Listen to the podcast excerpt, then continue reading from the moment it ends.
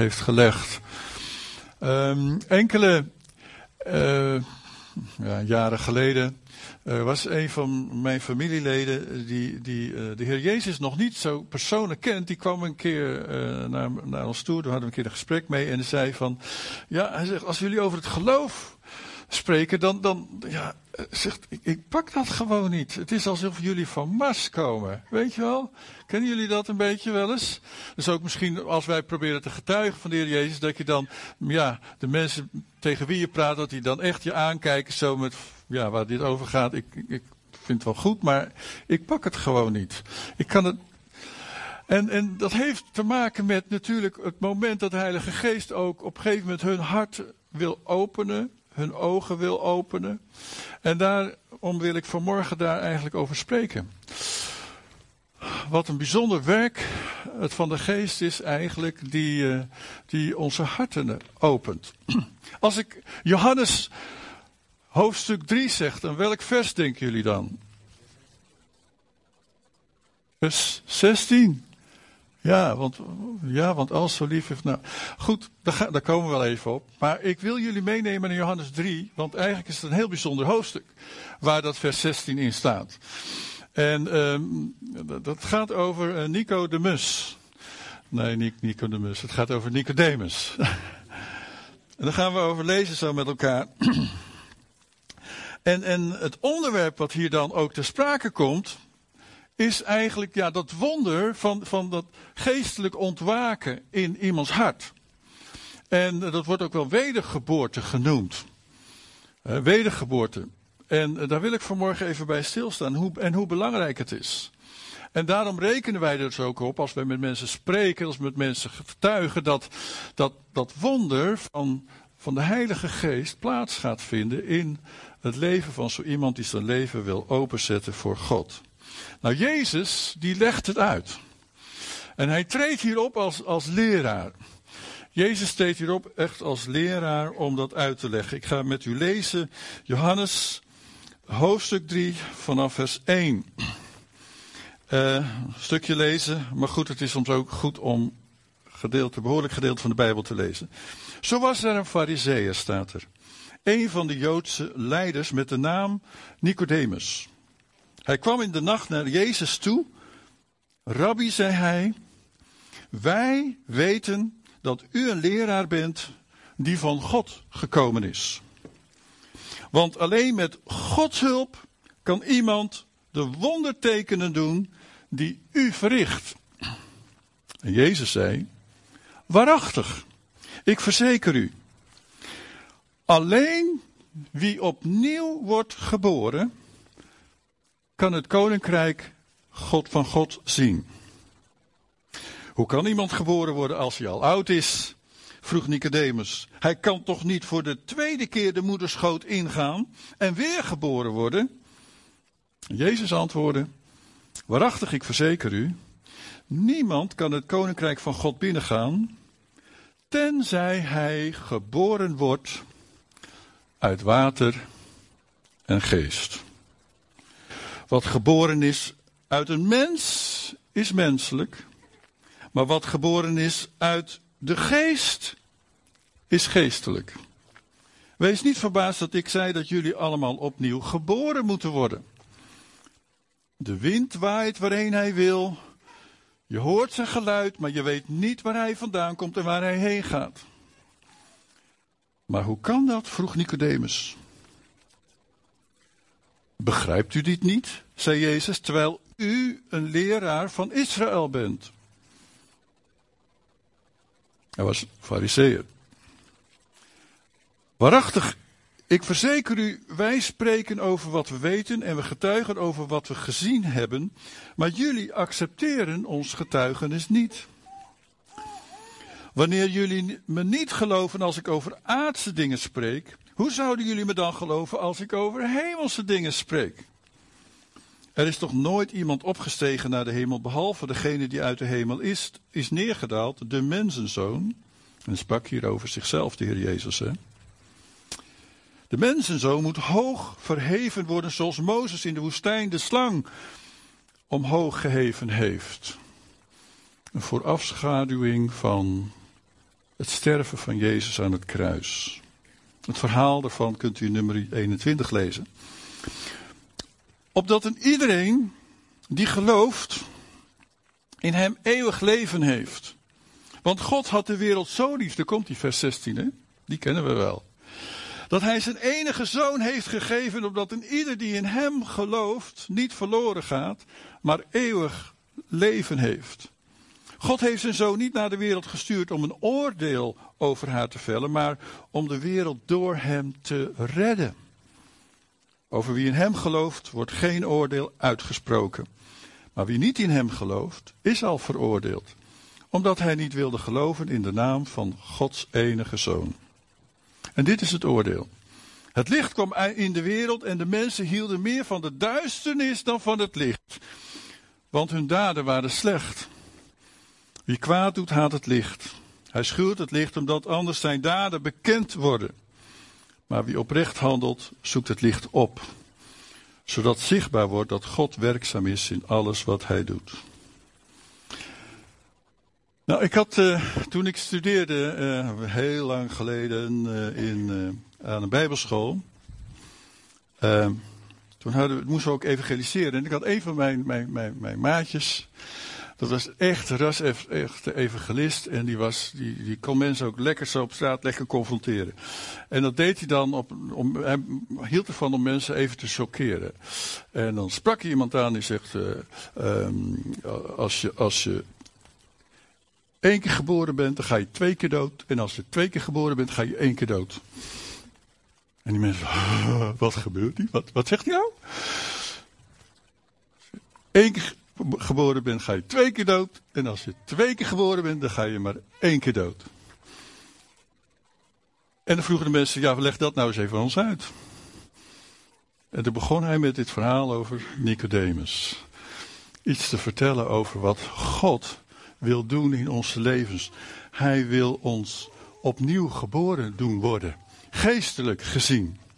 Nou, deze Nicodemus, die reageerde op wat hij had gezien bij de Heer Jezus. Want het hoofdstuk hiervoor, de laatste werd toen Jezus op Pesach, hoofdstuk 2, vers 23 en 25, toen Jezus op Pesach in Jeruzalem was, kwamen veel mensen tot geloof in zijn naam, omdat ze de wonderen zagen die hij deed.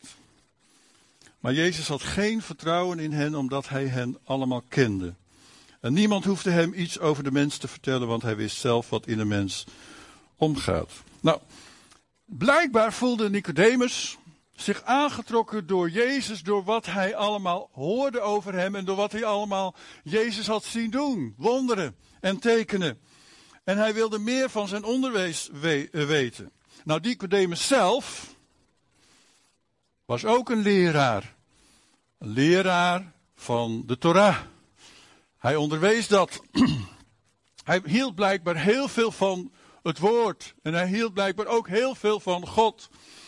Um, en hij had diep respect voor deze nieuwe rabbi, die Jezus heette. En die uit Galilea kwam. nou, hij hield zich strikt aan de regels van de wet en de voorschriften. En uh, daarmee wilde hij dan ook Gods gunst ontvangen in zijn leven. Hij was iemand die serieus op zoek was naar de waarheid, die Nicodemus. En uh, hij zocht Jezus blijkbaar niet overdag op, maar hier staat, we hebben net gelezen, dat hij s'nachts naar Jezus toe ging. We weten niet precies waarom, we kunnen een vermoeden hebben. Misschien uh, omdat hij misschien niet met Jezus gezien wilde worden. Zou kunnen. Ik weet nog wel een keer dat wij uh, in Alkmaar, waar ik voorganger was geweest voor lange tijd, hadden wij een, een, een hele bekende zakenman. Die kwam met zijn vrouw mee. Zijn vrouw was uh, gelovig iemand. En hij kwam dan mee. Hij kwam eerst eventjes uh, meehelpen het gebouw opknappen, uh, werken. Maar hij zei, Peter, dat geloof, dat hoeft voor mij niet. En, nou ja, komt nog wel eens een keer naar je preek luisteren, maar naar voren komen, dat hoef je van mij niet te verwachten. Dat ga ik niet doen. En ik weet nog wel dat ik tegen hem zei, dat hoeft ook helemaal niet. Dat heeft niets te maken met het geloof, hè, alleen maar naar voren komen. Het, het, gaat alleen om dat je, dat, je, dat je de Heer Jezus gaat leren kennen in je leven. Wat als de Heer Jezus jou wil ontmoeten? Zeg, joh, hoeft voor mij niet op zondag hoor, kan ook op maandag, dan bel je even op, kom je even langs. Zes uur, zeven uur, s'avonds. En dan uh, gaan, wij, uh, gaan wij naar de Heer Jezus toe. Maakt mij niet uit. Voor God is het allemaal hetzelfde. En ik weet nog goed, het duurde maanden, weken. Ik had, was het al helemaal vergeten. Er was ook wat gebeurd in dat gezin. Er was een klein kind van hem, een babytje van een van onze uh, gemeenteleden, dus uh, kinderen van hem. Die was uh, overleden, pas geboren en overleden. Was dramatisch, ook voor hem. En dat, dat, dat choqueerde hem ergens. En eigenlijk dacht hij van nou, als dat God is, dan hoeft dat voor mij dus helemaal niet. Maar terwijl we daar stonden te bidden in het ziekenhuis rondom de moeder, de vader, en daarnaast lag een, in een klein bakje lag het overleden kindje. En hij stond buiten de kring eigenlijk heel kritisch te kijken. Toen gebeurde er wat. Later vertelde hij mij, toen hij mij belde, zegt Peter, kan ik een keer met je spreken? En ik wist, Hij is zover. Er is iets met hem gebeurd. Toen hij kwam, een keer op een maandagavond, dus niet op een zondag, helemaal niet in de samenkomst. Toen, toen zei hij van, joh, ik was zo, mijn hart was zo gesloten voor God. Hij zegt maar in, in dat kamertje in het ziekenhuis. Daar waar ik vol boosheid was tegen, tegen God vanwege mijn kleinkind wat niet geleefd heeft. Hij zegt toen, terwijl jullie aan het bidden waren, verscheen er een licht in die kamer. Jullie hebben het niet gezien. Hij zegt, maar ik heb het gezien. Hij zegt, en op dat moment begon God te spreken tot mijn hart. Hij, kwam hij was drie kwartier in mijn kantoor en toen gaf hij zijn leven aan Jezus. Nou, zoiets moet er ook bij Nicodemus geweest zijn. Hij dacht van, ja, nou ja, goed, ik hoef misschien niet, hè, niet in zicht van iedereen, maar ik wil wel met Jezus spreken, want ik wil wel weten. Ik wil dingen weten, ik wil de waarheid weten. Ik wil een ongestoord gesprek met Jezus hebben onder vier ogen. Het is zo geweldig als je die momenten kent in je leven, dat je echt zo heel persoonlijk voelt. Dit is een ontmoeting tussen God en mij. Heb je dat wel eens? Ik heb dat wel eens. En meestal is het gewoon, we doen onze samenkomst, we hebben onze diensten, we, we doen alles samen. Maar af en toe heb je zo'n moment, dan weet je gewoon, dit is tussen, tussen God en mijzelf. Nou, Nicodemus die had het over wij. En blijkbaar sprak hij namens zijn groep uh, bijbelleraren, fariseeërs, sadduceërs in het land. En Jezus die ging heel persoonlijk daarop in. Die sprak onmiddellijk over iemand en over hij. Uh, het zou kunnen betekenen dat eigenlijk in die Nicodemus de religieuze leiders wel een beetje vertegenwoordigd werden. Hij was iemand met een hoge moraal, die God lief had en een diepe honger naar de waarheid. En op hetzelfde moment was hij geestelijk nog blind. Kan dat? Kan je nog op hetzelfde moment nog geestelijk blind zijn? Kan je nog gewoon ja, de religieuze dingen doen? Zelfs misschien naar dienst gaan. Zelfs misschien zingen. En toch van binnen nog blindheid hebben. Dit was wel bij Nicodemus aan de hand. Hij was blind voor de geestelijke verlossing die God hem aanbood. Nou, de Heer Jezus zegt dan van, joh, je moet wedergeboren worden. Je geestelijk moet jij nog geboren worden. Je bent wel naar het vlees geboren, maar geestelijk ben je nog niet geboren. En hij begon op een heel begrijpelijk niveau, niveau, begon de Heer Jezus de geboorte uit te leggen. De geestelijke geboorte van de mens. Die God nodig heeft. Hij zei in vers 3, alleen, hoofdstuk 3, vers 3, Johannes 3, vers 3. Alleen wie opnieuw wordt geboren, kan het koninkrijk van God zien. Je ziet het nog niet als je niet opnieuw geboren wordt. En eigenlijk in de grondtekst staat hier dat opnieuw betekent eigenlijk van boven geboren worden. Vanuit de hemel geboren worden. Het hemelse in je hart geboren laten worden. Nou, wij zijn natuurlijk allemaal op een natuurlijke wijze op deze wereld gekomen. Tenminste, ik neem aan van wel. Sommigen zijn uit de klei getrokken, maar zijn allemaal natuurlijk geboren. Vanuit een moeder. En uh, we hebben ook allemaal nog, ik hoop dat de, veel, de meesten van u dat al hebben meegemaakt. We hebben allemaal als mens ook nog die geestelijke geboorte nodig. Vanuit God geboren worden. Is dat niet geweldig dat je dat mag ontvangen? En daar kwam zijn blindheid uit voort. En daar kwam en er komt ook die blindheid uit voort uit een van mijn familieleden die zegt van ja, als jullie het over geloof hebben, ja, het is als jullie van Mars komen, joh, ik snap het niet. Je kent we misschien ook wel van die mensen in je leven. Maar deze geschoolde religieuze leider begreep niet waarover de Heer Jezus het eigenlijk had. Hij, die zelfs een leraar van het volk was, begreep niet dat de Heer Jezus het hier heeft over een geestelijke geboorte. Terwijl hij alleen maar aan een gewone menselijke geboorte dacht. En ik denk dat er nog steeds veel onbegrip over is. Hè? Wat betekent het dat je wedergeboren mag zijn? Sommige mensen halen het begrip bekering door, en wedergeboorte door elkaar. Ja, bekering, metanooi, betekent niets anders dan je gewoon omdraaien. Je omkeren. Dat is een stap die jij doet. Van je eigen weg, je eigen keuze, je weg misschien zonder God. Keer je je om naar God toe en zeg van, ik aanvaard uw weg, ik aanvaard uw verlossing in de Heer Jezus Christus voor mij. Ik ben een zondaar, vergeef mijn zonde. Dan is een daad die wij, die wij doen, een keuze die wij doen. En dan komt God. En hij laat je vanuit de hemel geboren worden. Een goddelijke geboorte. Dat is die wedergeboorte in je hart. En dan, dan als je daarover praat, heel veel mensen die beginnen dan gelijk te hebben over hun, hun, hun, kerkelijke achtergrond. Over misschien, uh, ja, maar ik behoor ook wel tot een kerk. En ook deze Nicodemus was zo eigenlijk een beetje in de war in gesprek met de Heer Jezus.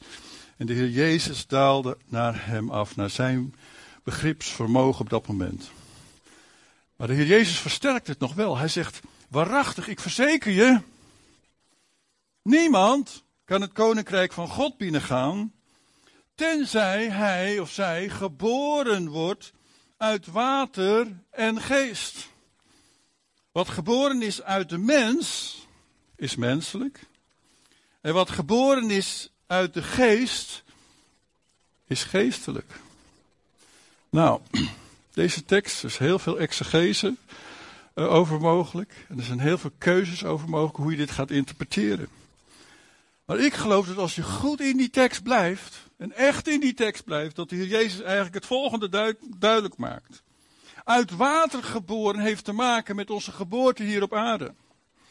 Ik ben uit water geboren. Elk babytje wordt uit water geboren. Dat wist u nog niet, of wist u dat wel? Uit de moeder, maar wel uit water. Hij leeft ook negen maanden in water. Ja, zwemmen. Daarom dat ze zelfs ook geboortes gewoon onder water kunnen doen. Want er verandert er niks voor zo'n babytje eigenlijk qua zijn omgeving. Vruchtwater, waarin de babytje veilig heeft kunnen leven, negen maanden lang. Nou, sommigen die vergelijken dit met de doop. Ik denk niet dat dat klopt. Want de doop heeft niet te maken met geboorte, de doop heeft te maken met begrafenis. Of niet? De oude leven begraven. Hoe kan iemand, weder, hoe kan iemand geboren worden, zegt dan Nicodemus, als hij al oud is, zoals ik, dacht hij bij zichzelf. Hij kan toch niet voor de tweede keer de moederschoot binnengaan en, en weer geboren worden. Maar wedergeboorte, wedergeboorte hier betekent, en dat is wat de Heer Jezus probeert uit te leggen, geboren worden uit en door de geest van God. Dat is, er wat, dat is wat er gebeurt met iemand die eigenlijk geestelijk blind was. Die zegt van, nou ja, dat geloof, het lijkt alsof jullie van Mars komen. Ik snap er helemaal niks van. En op een gegeven moment, doordat hij zich richt op Jezus en het ook aanvaardt, het offer van Jezus voor zijn zonde, zie je dat er dan op dat moment iets gaat gebeuren in zo'n persoon. Die wedergeboorte, die geboorte vanuit de geest van God. Nou, voor natuurlijke, menselijke, aardse geboorten heb je twee mensen nodig. Een man en een vrouw. Om een babytje te verwekken. Ja, toch? En dan wordt op een gegeven moment, jullie zijn zo stil. Je gelooft toch wel wat ik zeg, of niet? Kun je me nog volgen? En, uh, en dan wordt dat, hè, dat babytje geboren. De, geest, de geestelijke verwekkers, die er nodig zijn om jou geestelijk geboren te laten worden, is natuurlijk ten eerste de geest van God die jou overtuigt. Maar ten tweede is dat het woord van God, de waarheid. Jacobus 1, vers 18. Daar zegt Jacobus tegen de gemeente. Hij, God, wilde ons door de verkondiging van de waarheid tot, tot wat? Tot leven roepen. Om ons de eerste te maken in zijn schepping. Dan gebeurt er wat. Door het werk van Gods geest en door het woord wat je ontvangt, komt er geestelijk leven ontstaat daar in je, in je hart. Petrus zegt het ook, het volgende, in 1 Petrus 1, vers 23 tot 25. Als mensen die opnieuw zijn geboren, niet uit vergankelijk, maar uit onvergankelijk zaad. Door Gods levende en altijd blijvende woord. Halleluja. De mens is als gras en zijn schoonheid als een bloem in het veld. Het gras verdort, de bloem valt af. Maar het woord van de Heer blijft eeuwig bestaan. En dit woord is het evangelie dat u verkondigd is. Het woord en de geest zijn de verwekkers van het nieuwe leven in de mens. Dat geestelijke leven. Wel, de geest van God neemt het woord van God en plant dat nieuwe leven dan in ons hart. Is dat niet geweldig? Vandaar dat wij ook in deze gemeente mensen willen zijn van het woord. Amen. Het woord van God. Maar ook mensen willen zijn van ruimte voor de geest om te werken in onze harten en in onze levens. Nou, dus Jezus onderwees hier helemaal niet dat uh, de wedergeboorte zou komen als je gedoopt werd. Zoals sommigen deze tekst uh, interpreteren. Want de doop heeft te maken met het begraven van je oude leven en het opstaan in het nieuwe leven.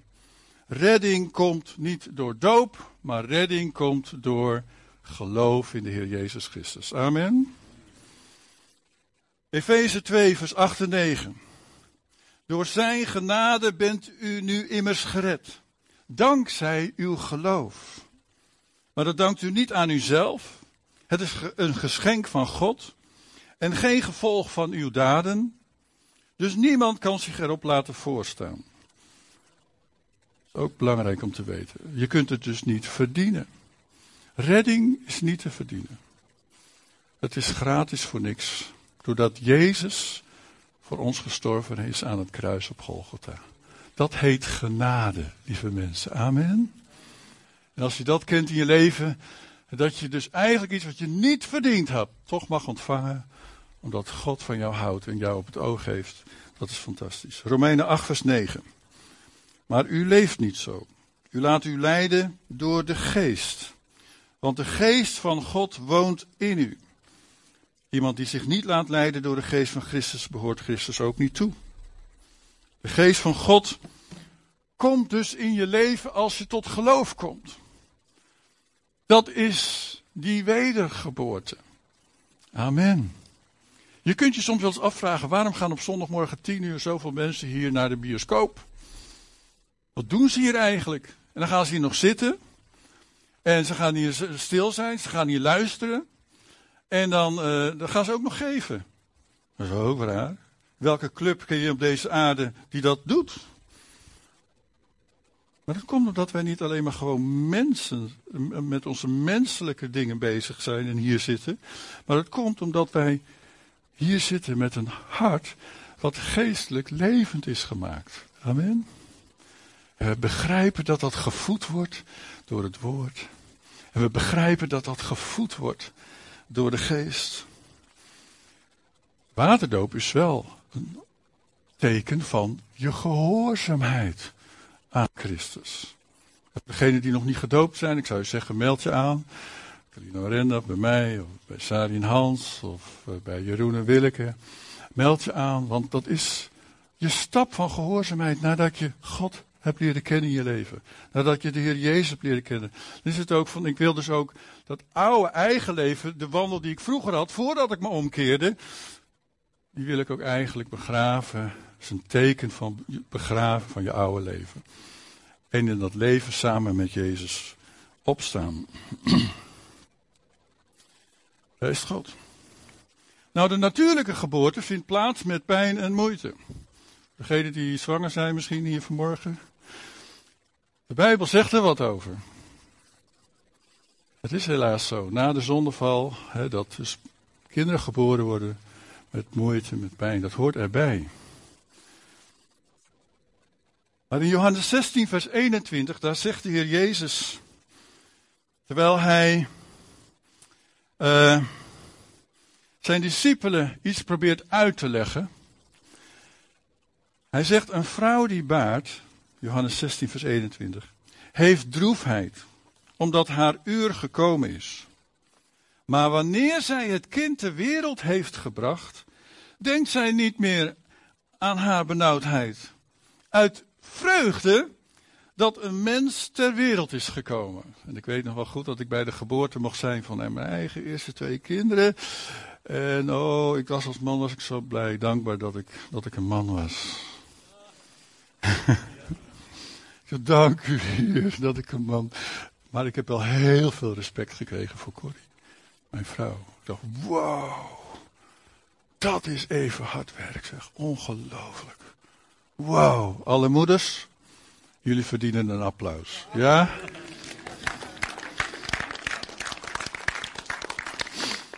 Maar net zoals bij onze natuurlijke geboorte, heeft ook bij onze geestelijke geboorte, heeft het wat gekost, lieve mensen.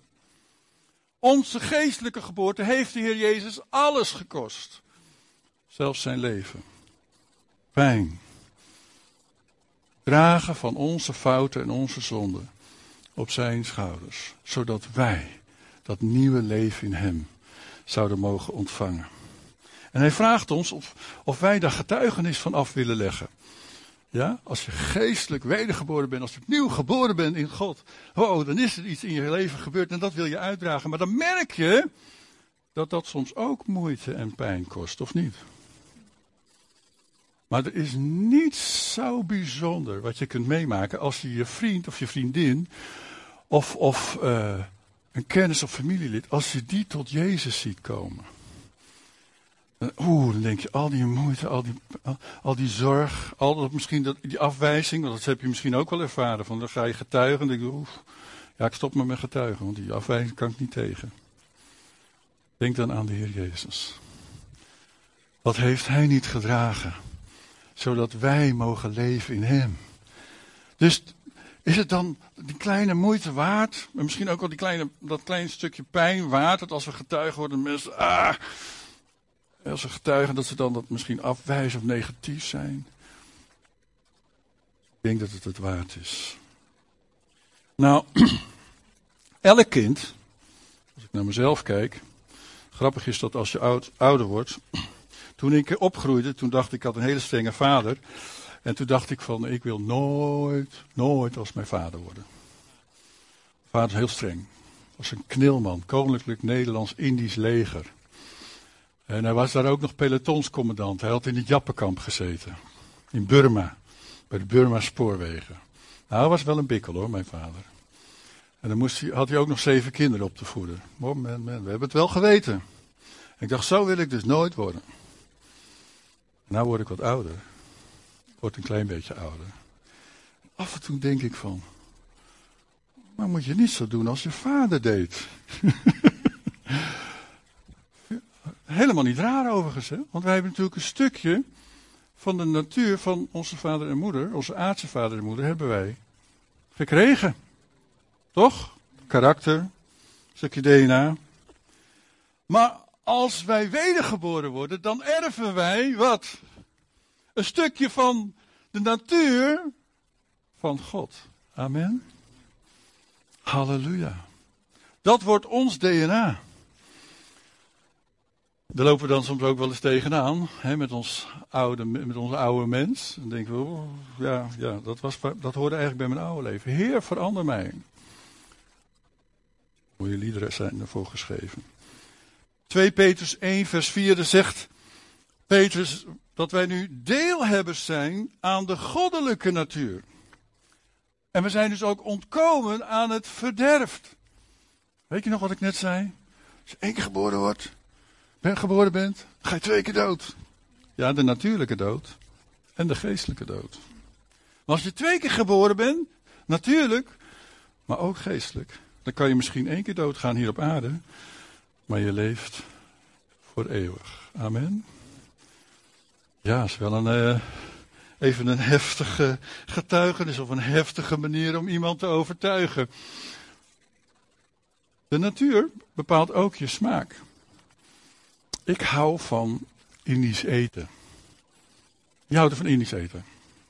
Ah, mensen in Indonesië zijn geweest helemaal, hè.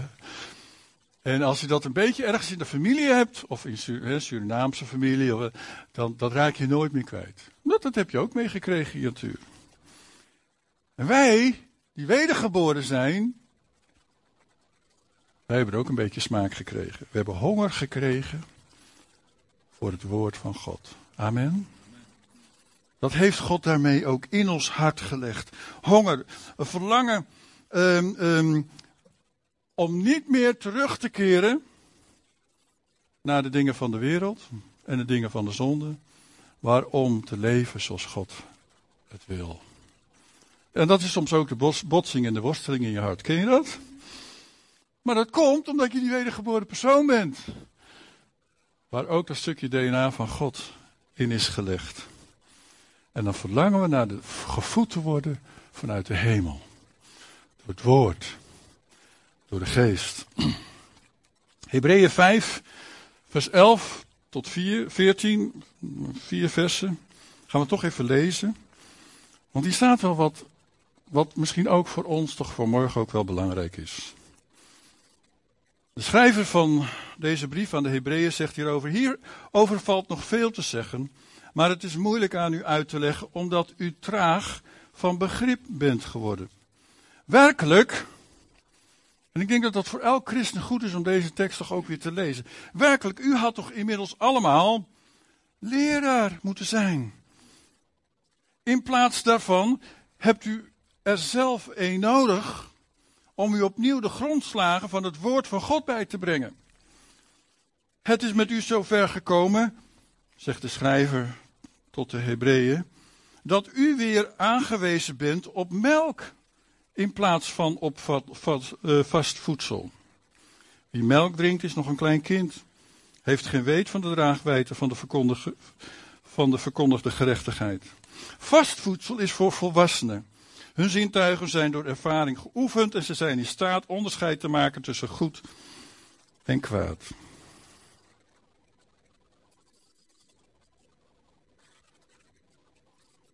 Kom soms nog wel eens uh, christenen tegen. Nee, niet, niet hier in Zutphen gelukkig hoor, maar... Die kennen de Heer Jezus al heel lang. Maar die vragen nog steeds om de fopspeen. Ken je ze ook? Dan kunnen we wel eigenlijk een keer weer die fopspeen geven. En dan zijn ze wel even tevreden. Maar fopspeen. Hè, je kent het bij kleine kinderen. Die mikken ze er zo weer uit. En dan is het. Soms denk ik wel eens, heb ik hier een, zuster van, van, van 70 jaar, die al 50 jaar de Heer kent. En die wil toch nog steeds even, hè, even, even gepamperd worden in die volksspelen. Nou, mag. Gaan we ook doen. Maar dat kun je natuurlijk niet altijd blijven doen. Je moet ook eens een keer zeggen, we zijn nu met onze kleinzoon van negen maanden bezig. En uh, die gaat dus nu leren echt te eten. Het is leuk, van hij, alles wat hij in zijn mond krijgt, dat wil hij er eerst ook weer uithalen. Dan gaat hij het bekijken en dan stopt hij het nog weer eens een keer terug in zijn mond. Hé, heer, geweldig is dat. En dan zitten zijn handjes onder het eten en dan graait hij naar oma en zo. En dan zit, uh, ja. Dus oma moet ook altijd uh, haar, haar, haar, haar spuugkleren aan en haar kruilkleren. En dan, ja. Ja, het is wel de bedoeling dat hij van die melk naar het vaste voedsel gaat. En dan straks dat hij ook zelf gaat leren eten. Hallo gemeente. Waar ben jij ergens? Ja, maar ik ben al heel lang kind van God. Ik ben wedergeboren. Ja, ja, ja. Ja, maar ik vind die fopspeen toch wel heel erg lekker. Ja, goed, dan komen we wel weer. We pamperen je wel. We houden van je. De Heer Jezus houdt ook van je. We zijn gemeente samen. Maar het zou het zo geweldig zijn. Als je een stapje verder kwam in je leven. Hè? Verder groeide. En verlangt naar een stukje stevig eten. Zelf dat ook kunt halen uit het woord van God. Hè? Ja, nou dan komt zondagmorgen wel en dan krijg ik wel weer een biefstukje. Ja. Dat is natuurlijk niet genoeg. Dat is voor mij niet genoeg. Ik moet morgens wat eten, ik moet middags wat eten, ik moet avonds wat eten, ik moet heel veel drinken. En zo is het geestelijk eigenlijk ook. We zijn wel wedergeboren, maar dat nieuwe leven, dat moet gaan groeien in ons. Amen. Leef Zutphen. Halleluja. Wat een geweldige naam. Johannes gebruikt dat woord leven 36 keer. Alleen al in het evangelie van Johannes. 36 keer. Het tegenovergestelde van leven is dood. Degenen die de Heer Jezus Christus nog niet kennen in hun leven, als hun redder, als hun verlosser, heeft dat eeuwige leven dan ook nog niet ontvangen. En dat moet ons wakker doen, laten, eh, wakker doen uh, liggen, s'nachts. O Heer, help ons, gebruik ons om een zegen te zijn voor anderen die u nog niet kennen. Die we op u kunnen wijzen. Weet je, wij kunnen geen christenen fabriceren door te zeggen we maken een eh, hele geweldige samenkomst. En we, we, we, doen, we gooien een hele grote advertentiecampagne tegenaan. We zetten zet van op zijn kop. En dan zitten alle bioscoopzalen vol. En dan gaan we eh, Peter laten preken. En dan verbinden we dat gewoon door. Kan ze in alle zalen kunnen ze het zien. En dan gooien we flink wat tegenaan. En dan hebben we het uh, geregeld. Wedergeboorte. Dat kun je niet regelen, lieve mensen. Nee. Dat is toch dat mensen komen in de aanwezigheid van God, wat wij ook met elkaar zoeken, en aangeraakt worden door de geest van God. Amen. Kan er één zijn, kunnen er tien zijn, kunnen honderd zijn, kunnen inderdaad mensen zijn in alle zalen van deze bioscoop. Maar het is toch een wonder van God wat in die harten gebeurt. Nou, wij doen er wel alles aan en we gaan er ook echt nog wel ietsje meer aan doen dat gasten zich gaan vrij, gaan, echt zich welkom gaan voelen hier in, deze, in dit gebouw. Zodat ze ook in hun leven die geestelijke geboorte mogen meemaken. Nou, Johannes 1, vers 11 tot 13. Daar lees ik, hij, Jezus, kwam naar wat van hem was, zijn volk.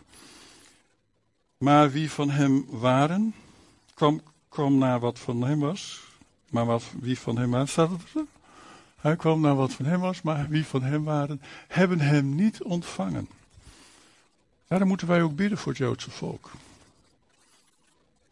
Ik weet nog goed dat ik sprak, was een paar weken geleden was ik met Siep ook in Israël. Met rabbijnen gesproken, met, met, met uh, christenen in, in uh, Israël gesproken. Maar ook Joden die eigenlijk zeggen van ja, op een haar na zouden we misschien wel in Jezus willen geloven als de Messias. Zo dichtbij. Zo dichtbij. Maar ze hebben hem nodig. En ze zullen hem een keer zien. Want ik geloof, misschien laat God dat wel samenvallen. de wederkomst van de Heer Jezus Christus. En hun, dat bij hun de ogen open gaan. Maar ondertussen moeten wij ze lief hebben. En van hun houden. Laten we zien dat wij, die eigenlijk een jongere broer zijn van het volk, dat wij hun altijd bij de troon van God brengen. En ze waren ook ontzettend blij dat wij als christenen aandacht hadden voor hun als volk. Zij zien ons wel als hun medestanders. Wij kunnen christenen dus niet maken, niet fabriceren. Net zo goed als dat je babytjes niet kunt fabriceren. Tenminste, ik hoop dat dat nooit gebeurt. Dat is een wonder van liefde tussen een man en een vrouw. Dat is tenminste Gods bedoeling geweest. Ik was bezig dit, deze tekst te lezen. Vers 12. Wie hem wil, wil ontvangen, wie hem wel ontvingen en in zijn naam geloven, heeft hij het voorrecht gegeven om kinderen van God te worden. Ze zijn niet op natuurlijke wijze geboren. Lees het wat hier staat. Niet uit lichamelijk verlangen of uit de wil van een man, maar uit God. Wow. Dat is dus die geestelijke geboorte. Geboorte houdt ook een nieuwe toekomst in. Sommige mensen zeggen van nou wij hoeven geen kinderen, want ja, wat voor toekomst hebben kinderen eigenlijk nog in deze wereld? Kan. Maar kinderen die in deze wereld komen, mogen toch ook wel een toekomst hebben. En als je denkt over de verschillende gebieden in deze, op deze aarde waar het vreselijk is. Wij stonden daar met Siep boven op de uh, Golan. En dan kijk je zo die hele vallei richting Syrië. En we zagen wolkjes en we hoorden knallen van kanonnen van IS op 40 kilometer afstand van de Golan. Dan denk je wel eens van, heer, wat gebeurt in deze wereld? En dan hoor je een paar weken later over de radio en televisie dat, dat, dat Al-Qaeda ook al zit in de Sinai, in de bergen van Sinai. Met 1500, 200, 2000 man. Dan denk je, heer, wat, wat, wat voor toekomst ligt daar? Wat, wat gaat er allemaal gebeuren? Maar in God, daarom is het ook zo belangrijk dat de mensen de Heer Jezus leren kennen. Dat ze geestelijk ontwaken, dat hun ogen open gaan. Want 1 Petrus zegt in 1 vers 3, vers 1 vers 3, geprezen zij de God en Vader van onze Heer Jezus Christus. 1 Petrus 1 vers 3. In zijn grote barmhartigheid heeft hij ons opnieuw geboren doen worden door de opstanding van Jezus Christus uit de dood. Waardoor wij leven in hoop. Amen. Is dat niet fantastisch? Oh mensen, er kan heel wat gebeuren in jouw leven. Halleluja. Maar het is zo nodig dat wij die hoop ontvangen. Dat nieuwe leven ontvangen. Ook voor onze kinderen. Ik vond het zo mooi. Dat getuigenis vanmorgen. Ik dacht, deze jongen, die kent dat. Die weet dat onze hoop is in God. En in de Heer Jezus Christus. Waardoor wij leven in hoop. En wacht u die door Gods kracht wordt beschermd. Omdat u gelooft in de hemel. Dat wacht ons dus. Een onvergankelijke, ongerepte erfenis. Oh, halleluja. Wat kun je je kinderen nog meer meegeven? Dan geloof in de Heer Jezus Christus. Die nooit verwelkt. U ziet de redding tegemoet, die aan het einde van de tijd zeker geopenbaard zal worden. Nou, een pasgeboren kindje, ik ga echt afronden.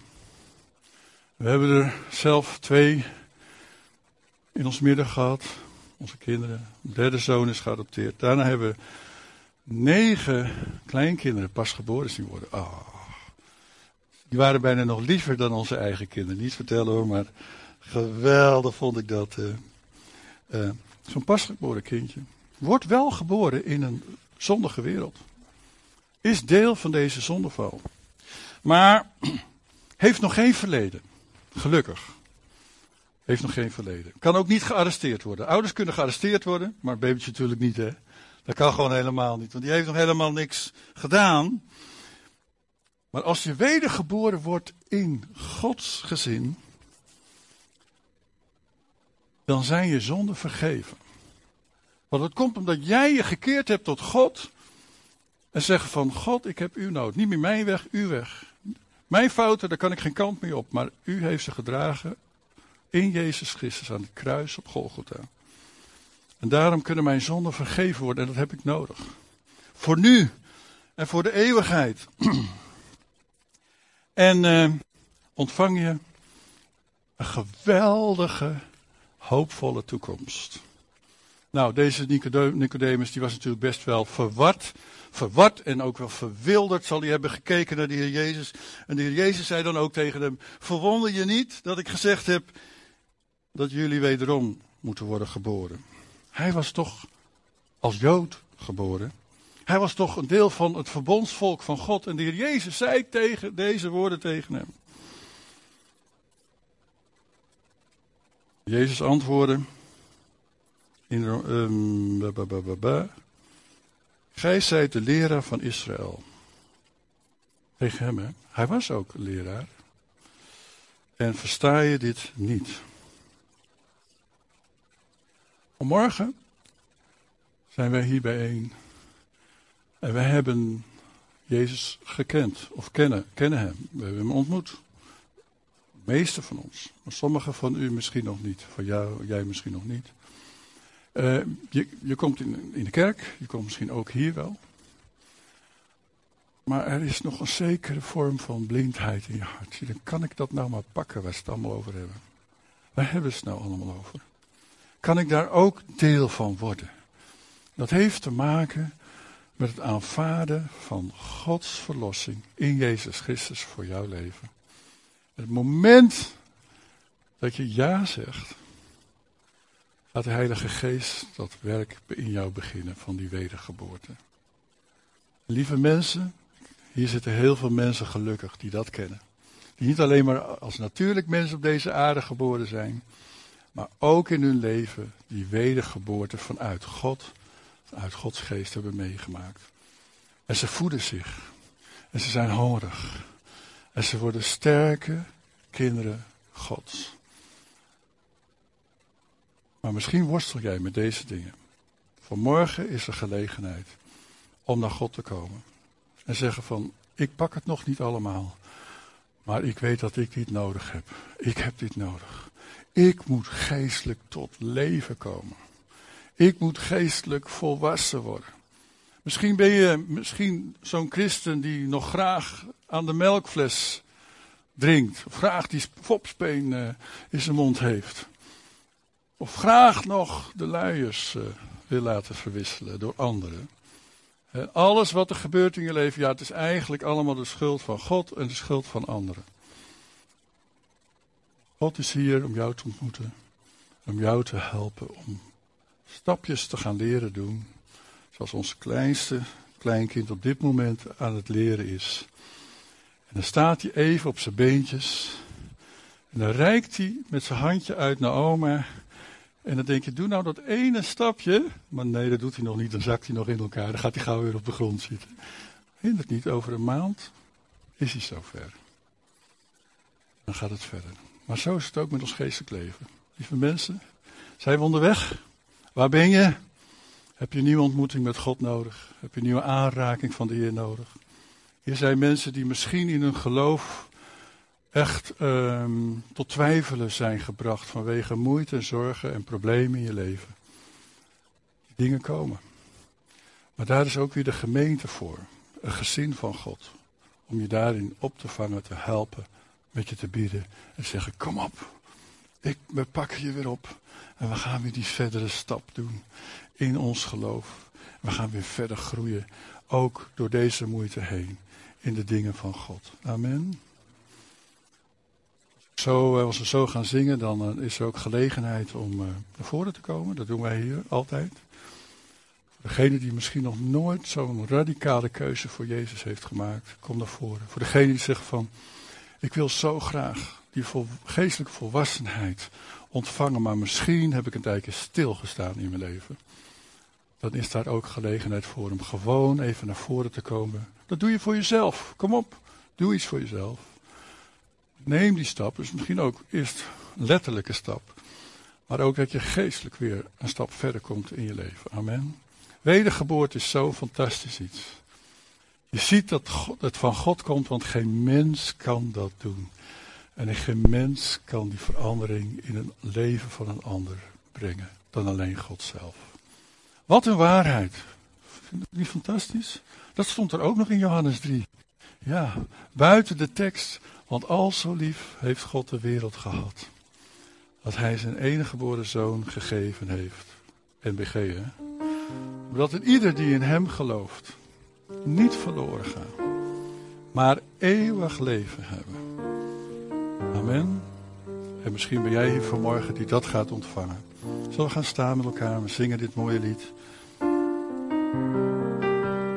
Dank je, Jezus.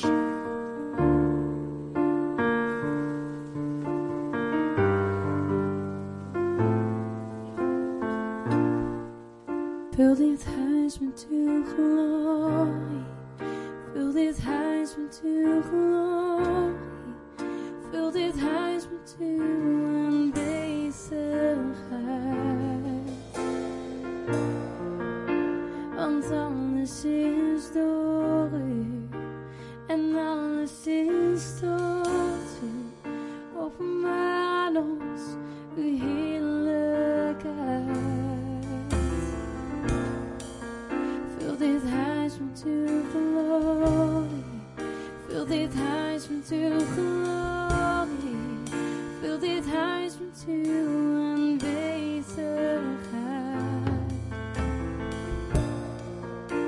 Want alles is door u.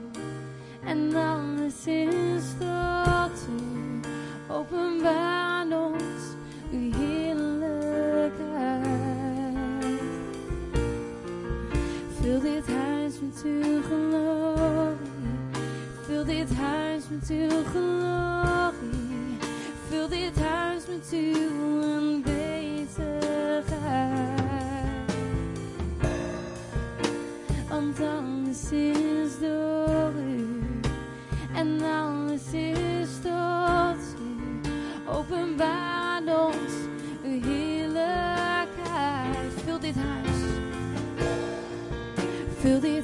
Met uw glorie.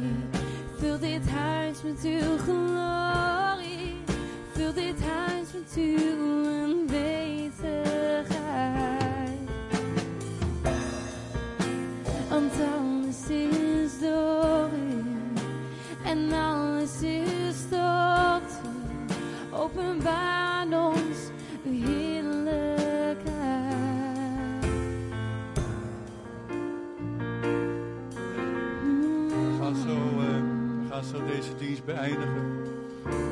Misschien zijn die vanmorgen, eh, vanmorgen mensen die zeggen: Ik heb stilgestaan. Ik heb stilgestaan in mijn leven. Dan is het zo geweldig om te zeggen: van, Ik ga weer een stap doen. Ik wil groeien in de dingen van God. Ik ben misschien nog als een baby gebleven. Ik ben misschien nog als een tiener gebleven die om zich heen brult, misschien. Heer, ik wil verder. Ik wil groeien in de dingen van u. Help mij. Help mij om een volwassen kind van u te worden. Ik zou zeggen, neem die gelegenheid. Doe die stap. Ga naar voren. Hier zijn mensen die een moment samen met jou willen bidden.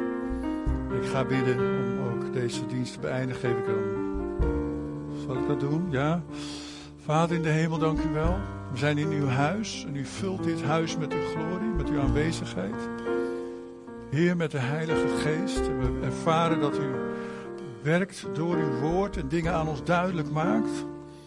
Heer, dank u voor die geestelijke geboorte die we hebben meegemaakt, die wedergeboorte. Heer, maar wilt u ook daarin verder groei geven?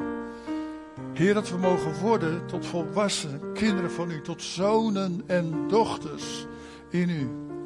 Heer, als die vanmorgen mensen zijn die in tijd hebben stilgestaan in hun geestelijk leven, dan bid ik, Heer, dat daar een doorbraak mag komen.